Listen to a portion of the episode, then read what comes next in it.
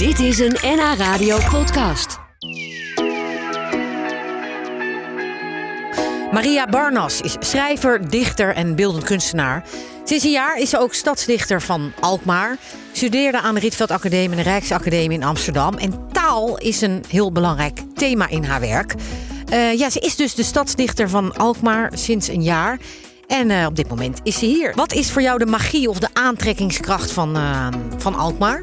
Um, de aantrekkingskracht van Alkmaar was voor mij in eerste instantie dat het een stad is die heel dichtbij ligt bij waar ik woon, maar waar ik eigenlijk heel weinig van wist. Aha, en dat was ook niet een vereiste voor een stadsdichter dat je er heel veel vanaf moest weten? Nee, kennelijk niet. Dat verbaasde mij ook wel. Toen ik werd gevraagd uh, of ik daar zin in had, heb ik ook die vraag wel gesteld: van, moeten jullie niet iemand nemen die uh, alle ins en outs van Alkmaar al kent?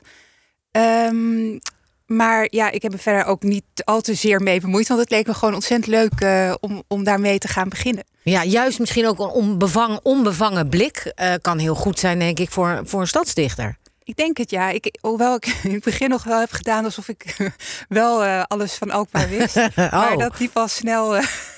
omdat je dacht van ja, dat is, dat is vereiste ja. nummer één. Ja, ook omdat mensen natuurlijk wel vroegen: oh, woon je niet in Alkmaar dan? Want ik woon in Bergen, net naast Alkmaar. Ja, en om heel eerlijk te zijn, uh, ging ik eerder naar Amsterdam als ik een stad uh, naar een stad wilde dan naar Alkmaar. Ja. Maar het is dus een, ja, ook een, een ongelooflijk prachtige stad met ontzettend veel mysterieuze verhalen, uh, bijzondere gebieden, wijken. Dus ja, het is alsof er een soort schatkamer voor mij is opengegaan. Wat geweldig. Vlakbij waar ik woon. Ja. ja. En wat, wat is eigenlijk, is een soort functieomschrijver van functieomschrijving van een stadsdichter? Of wat wordt er dan precies van je verwacht? Uh, nou, er is een minimum aantal gedichten dat je moet schrijven. Uh, vijf gedichten per jaar. Uh, en die mag je zelf, ja, je mag zelf weten waar je die over schrijft. Er was alleen een licht dwingend verzoek of ik toch wel iets over het Alkmaars ontzet wilde schrijven. Dat heb ik gedaan. Um, en ja, verder is het toch wel de bedoeling dat je zelf een beetje je rol gaat invullen. En omdat het drie jaar is, heb ik wel gedacht van ja, wat eh, om alleen maar op incidenten te reageren, vind ik dan iets te mager. Dus ik heb eigenlijk bedacht dat ik uh, mijn eigen positie, namelijk die van de nieuwkomer, uh, breder wil uitzoeken door ook heel veel andere nieuwkomers te ontmoeten en daar mee en over te schrijven. En wat versta je dan onder, onder nieuwkomers? Mensen die uh, bijvoorbeeld gevlucht zijn naar ja, Nederland of in dit geval ook Die zijn er veel natuurlijk, Oekraïners, maar ook Syriërs. Maar ook misschien een Brabander die net uh, naar Alkmaar is verhuisd. En net als ik denkt, waar ben ik terecht gekomen? Aha, uh, dat ja. bindt jullie dan eigenlijk ook. En het is ook wel zo dat sinds ik gewoon hardop zeg... ik ken nog niet alle plekken van Alkmaar... dat de Alkmaarders iets sneller mij aan de hand meenemen... en zeggen, eh, ken je bijvoorbeeld deze kerk? Ik was laatst in een kerk, die kun je vanaf de straat niet zien. Uh, wow. Daar wordt het... die is mirakel... helemaal verscholen? Ja, een verscholen kerk. Katholieke kerk. En daar wordt het mirakel van Alkmaar bewaard. Daar kan ik misschien straks iets meer over vertellen. Nou, vertel meteen maar, want wat is het mirakel van Alkmaar? Nou, dan hoop ik dat ik het deze keer goed vertel. Want bij de vorige keer dat ik dat. Uh, Kijk uit, ja, er luisteren veel Alkmaarders. Ja, ja, dan moet ik weer mee naar die kerk. Uh, um, even kijken, misschien kan ik het wel. Ja, in, even kijken, ik heb het hier opgeschreven, want dat soort dingen onthoud ik helaas zelf niet. In 1429 zou een zekere Volkert voor de eerste keer als priester een mis opdragen. Hij was ontzettend zenuwachtig, want hij had tijdens de kabeljauwse twisten, de Hoekse en kabeljauwse twisten, drie mensen vermoord. En dat schijnt niet uh, te mogen, dan mag je niet als priester gewijd worden. Um, en tijdens die mis morst hij wijn. En die wijn is in bloed veranderd. En dat bloed is weer opgelikt door mensen die in de kerk werkten. en vervolgens is dat doekje is bewaard. En dat, dat ligt nog steeds in een soort kluisje, in een soort gouden. Um, ja, hoe heet zoiets? Ik, ik, ken de woorden niet helemaal. Maakt niet uit, een gouden kistje een, zullen we het maar even kistje, noemen. Ja, in de kerk. En uh, elk jaar is er een processie en wordt uh, dat, dat doekje met dat bloed uh, rondgedragen. En um, daar heb ik een gedicht over geschreven.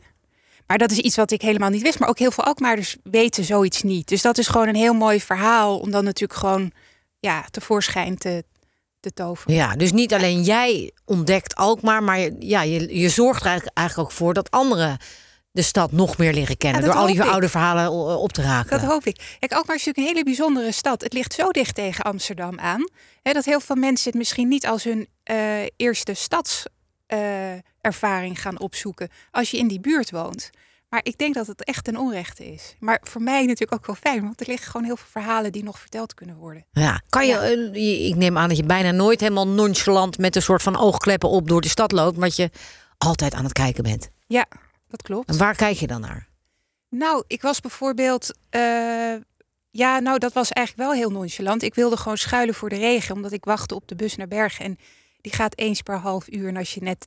Dat sluit niet op elkaar aan, treinen en bussen. Ik weet niet wie zoiets plant of niet plant. Maar dan, dan sta ik dus vaak in een, in een bushokje te wachten. En ik zag dat er een café was tegenover het station van Alkmaar. Eh, een hotel. Ik dacht, misschien kan ik even een kopje thee gaan drinken. En ik moet wel zeggen dat ik zoiets dan nu eerder doe. Want anders denk ik, nou, ik blijf gewoon nog dat half uur in de regen staan. Maar ehm, daar bleek een hotel te zijn dat, eh, waar Oekraïners wonen, gevluchte Oekraïners. En die dat hotel eigenlijk mee runnen. Dus die werken in de keuken, in het café. Eh, z- kinderen zaten daar huiswerk te maken. Het was een ongelooflijk bijzondere sfeer. Want het was en hotel, maar ook eh, een soort huiskamer geworden. En natuurlijk vol met verhalen. Dus daar ga ik binnenkort terug om ja, met die mensen te praten en misschien een gedicht over te maken. Ja, wat bijzonder. Ja. Ehm, nou, welke verhalen of gedichten je tot nu toe allemaal hebt gemaakt. En misschien kun je ons eh, ook even iets moois nog voordragen. Ehm zometeen eh, gaan we dat doen.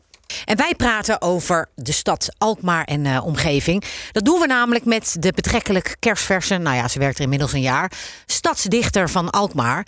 En het is natuurlijk ook wel leuk om te horen, Maria Barnas, niet alleen maar over centrum Alkmaar dichtje, maar ook een beetje de buurt eromheen. Ja, klopt. Ja? Ja, bijvoorbeeld Koerdijk eh, behoort ook tot, eh, of de Rijp.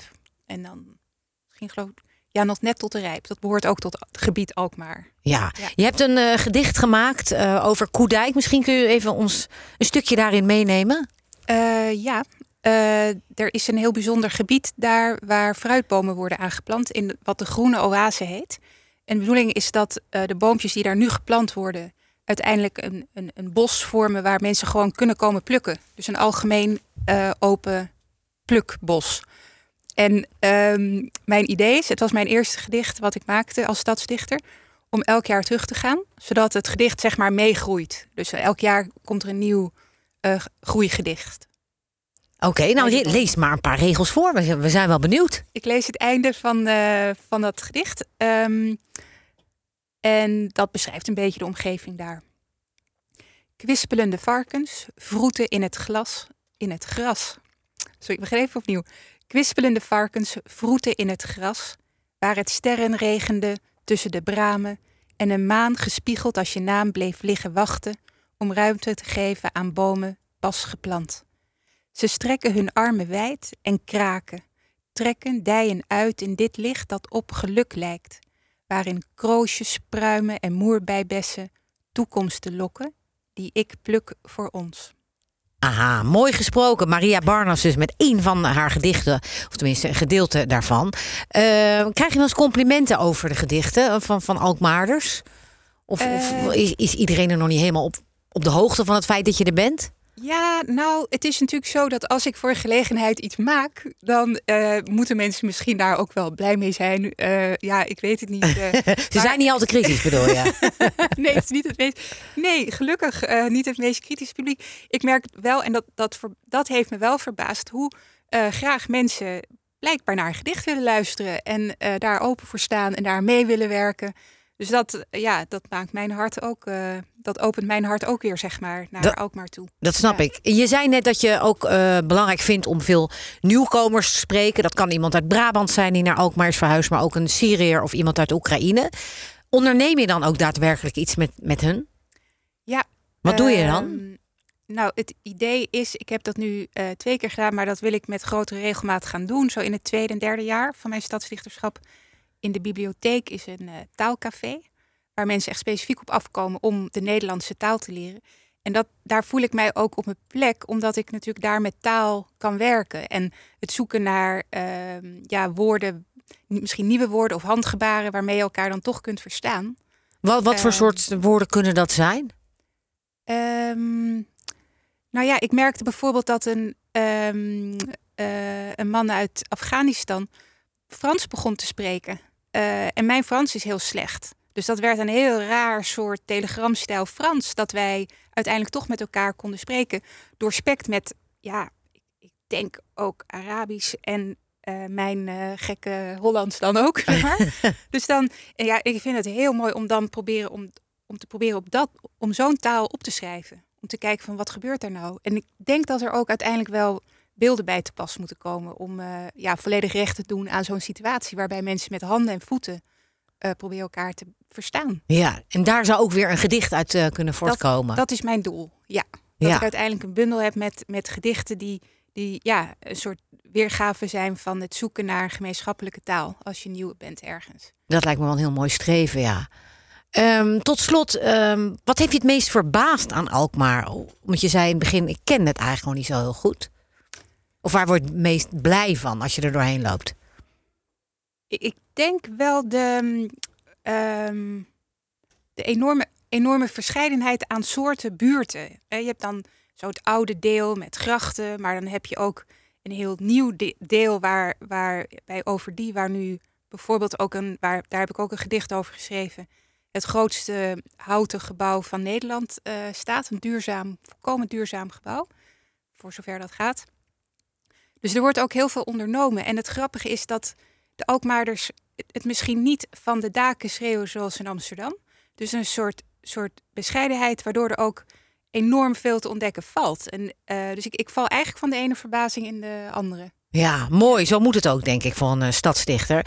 Um, ja, wil je dit gesprek nog een keer terugluisteren? Vanmiddag zetten we dit ook uh, online um, ja, in de vorm van een podcast. Dus nhnieuws.nl. Kan je het nog eens even rustig terugluisteren. Het gesprek uh, met Maria Barnas, de stadsdichter van Alkmaar.